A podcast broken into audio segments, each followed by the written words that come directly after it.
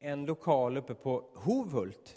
Telia hade en ganska stor lokal, det var gympahall och det var där skulle vi kunna. Där var vi uppe och vi tänkte, där ska vi ha vårt center. Vi ska ha stor möteslokal, vi ska ha eh, eh, liksom de lokaler som behövs för kontor och allt det här och vi ska ha skolan där. Och vi var pepp, pepp, pepp, pepp.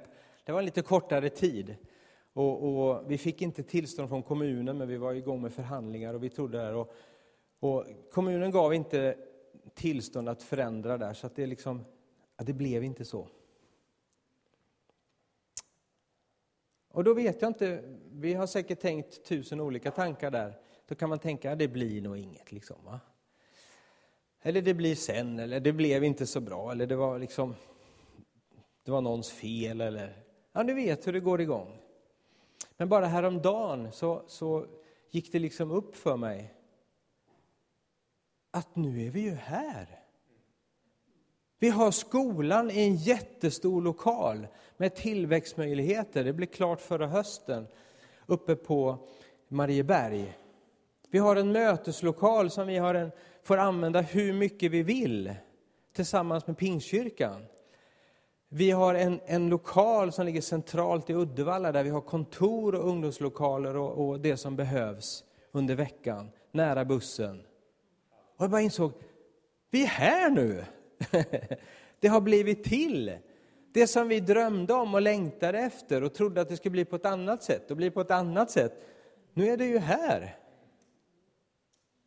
Blev inte riktigt som vi tänkte. Men det kanske är så ibland med Gud. Att det inte blir som vi tänker, utan som han tänker.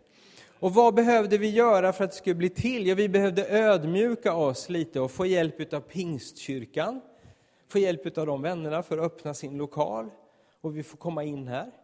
Det ödmjukar oss om vi tänker att vi ska göra det själva som församling. Vi är ju liksom så häftiga. Mm. Men det är ödmjukande då att be om hjälp. Är du med? Vi fick ha Kingdoms hjälp. Jag menar, Thomas till exempel var väldigt viktig för skolan nu och så vidare. Och, och så här va. Så att vi behövde också öppna upp och vidga vårt hjärta för flera syskon. Och så har Gud gjort det. Är du med? Plocka in det här i... Vad sa du? Ja. Plocka in det här i ditt liv och se. Det kanske är saker Gud har sagt. Och du känner så här, ja det bidde ingenting. Bidde en tummetott. kanske inte blir det som du hade tänkt. Men Gud håller kanske på mitt framför dina ögon och gör det här. Det han har talat det kanske är något av det starkaste vi har, som kanske är verkligare än, det vi, än de pengarna vi har i plånboken och de tankar vi har och de praktiska lösningar vi har. Det Gud har talat är kanske starkare än det vi ser med våra ögon. Ta vara på ordet som är nedlagt era hjärtan. Vad har Gud sagt till dig?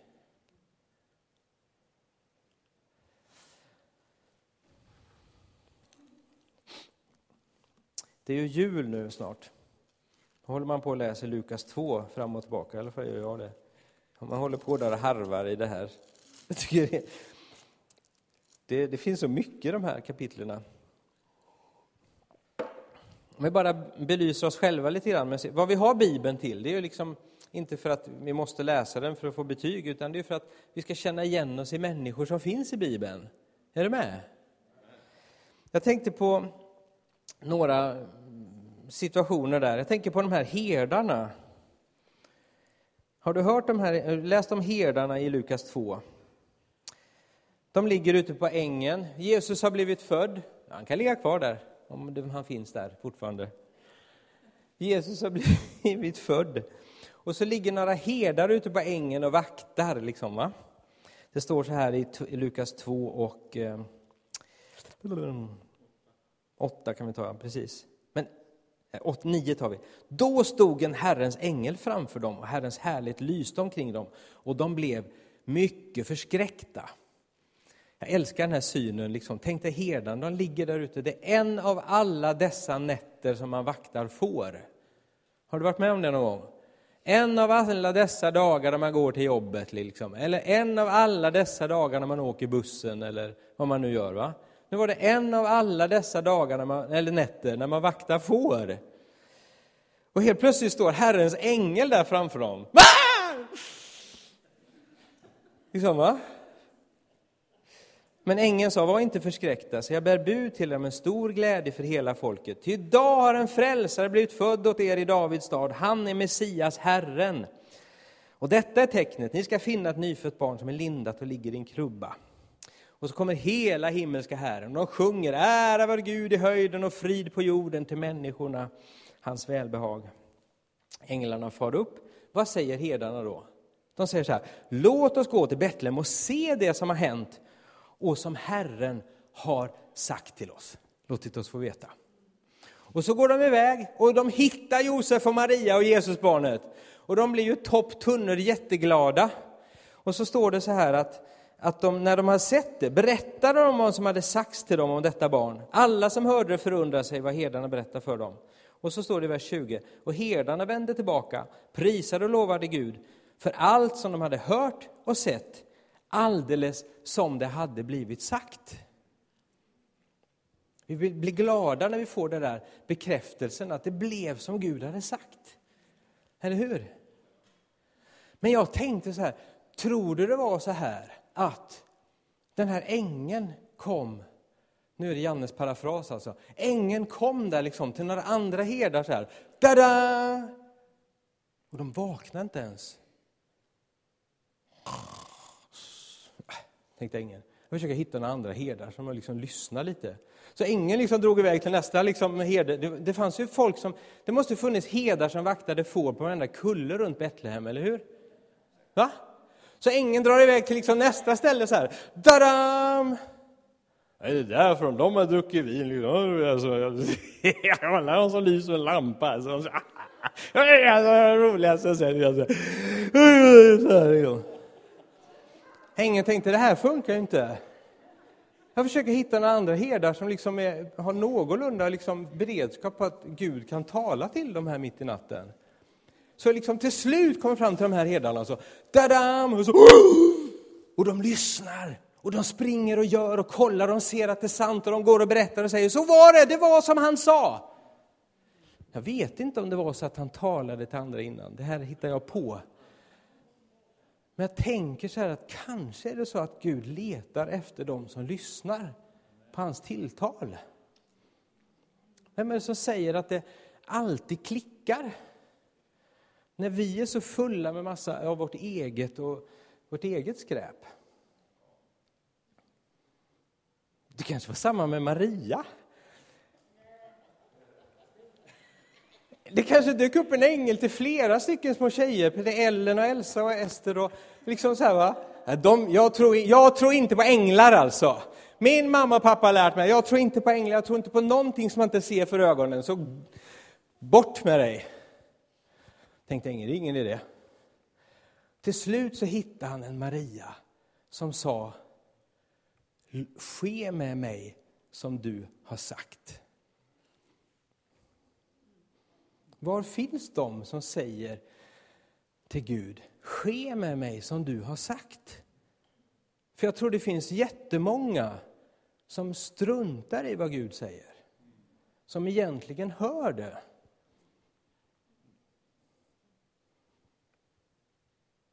Vi kanske också har missat saker som Gud har sagt till oss.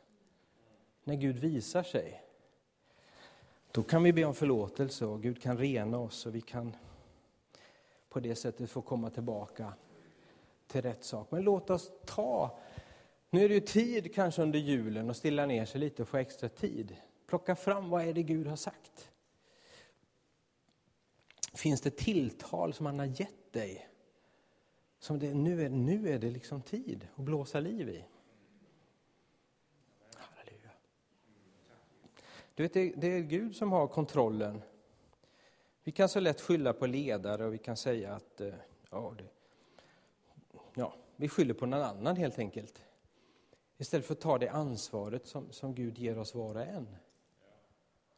En annan bild som jag har, du kanske tycker jag är fantasifull i mitt sinne, men det är jag nog. Det är jag nog.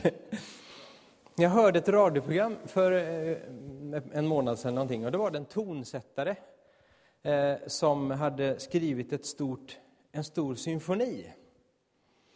Eh, och han berättade, jag kom in mitt i det här radioprogrammet, han berättade så här, han hade jobbat med det här i över ett halvår och suttit och plitat och skrivit noter liksom varenda dag till det här, till det här stycket då som skulle framföras i konserthallen uppe i Stockholm. Det var en symfoni eller något sånt där. Och så säger han en sak och det bara plingar till i mitt huvud. Så han så här, och ikväll, sa han, så har vi premiär för det här stycket. Så det ska bli så roligt att höra det. Jag tänkte så här, vad fascinerande. Här har han jobbat som tonsättare och han behöver en hel symfoniorkester för att få till det. Så han har faktiskt inte hört hur det här stycket låter. Han har suttit och plitat på fiolstämmor och klarinettstämmor och pukor och grejer och gjort liksom små pluttar på sitt papper. Liksom, va? Och liksom, han kan ju det här, han kan ju det han gör. Han kan ju så att säga harmonien och allt det här och se till att stämmorna ska gå ihop. Men han hade inte hört det han hade jobbat med i över ett halvår. Och jag blev så fascinerad för jag kände, är det inte precis så som Guds rike fungerar? Att ibland så kommer vi alla stämmorna samman. Och så får vi framföra det som vi faktiskt har förberett under lång tid. Är du med? För ibland känner vi så här att det är mycket plitande med små noter och punkteringar och kommatecken och notlinjer och allt det här. Va? Och det finns tider där det känns som att det är bara massa små prickar på papper. Eller det är mycket arbete, eller det är mycket, man, får, man ser inte riktigt helheten. Är du med? Men då får vi lita på att Gud är liksom tonsättaren. Gud är kompositören. Och rätt som det är en dag, när du och du och du och du och du och du och jag lyssnar på Gud och gör våra små saker vi ska göra, så sätter Gud samman och så blir det en symfoni. Och mer eller mindre har vi upplevt det här säkert i olika tillfällen där där vi ser frukten av det som har hänt och vi får höra det spela tillsammans. Förstår du bilden? Och vi känner nu låter det ljuvligt för att du gör ditt och du gör ditt och du gör ditt och du gör ditt och alla behövs. va? Och så får vi njuta av det här stycket. Och det där sker inte alltid. Även om från Guds sida så han har koll på alla harmonierna och allting hela tiden. Men han väntar på något sätt på dig och mig. Att vi ska lyssna och göra. Och sen väntar han på att han ska få stå där med taktpinnen och sätta igång oss. Liksom. Och det här är ju både något som pågår hela tiden och något som eh, vi förbereder. Så att säga, va? Jag tror att du och jag är så viktiga var och en, för, för Gud vill göra saker. Gud vill spela sitt stycke. Och jag tror att det är när Gud spelar sitt stycke som vi ser människor komma till tro. Som vi ser sjuka bli helade, som vi ser så att säga, Guds rike växa till. Det behövs en harmoni. Det behövs ett samarbete. Han behöver dig. Vi kan inte vänta på en, en dirigent som står och viftar med sina pinnar. Utan vi behöver, vi behöver var och en lyssna och göra som Maria säger, att ske mig som du har sagt. Och så kommer vi få se att Gud, Gud gör sitt. Precis som vi har sett med lokalen, då, det praktiska exemplet. Gud talade och nu ser vi att vi har de resurserna rent praktiskt som vi behöver. Finns det andra saker Gud också håller på att förbereda just nu som vi snart kommer att få se? Vad är det Gud har sagt till oss? Det är en tid av förväntan just nu. Det är en tid vi väntar på att Gud ska röra vid sitt folk på ett nytt sätt. Där hör man på många håll. Jag tror vi kommer att få se saker ske. Hur förbereder vi oss då? Jo, vi plitar på våra noter. Vi lyssnar och vi gör det var och en av oss ska göra. Halleluja. Och vi ödmjukar oss och säger ske mig som du har sagt. Halleluja. Tänk för det här kan bli en jul som får vara en förberedelsetid för, för det som Gud har talat. Att han vill visa oss var och en det. På nytt.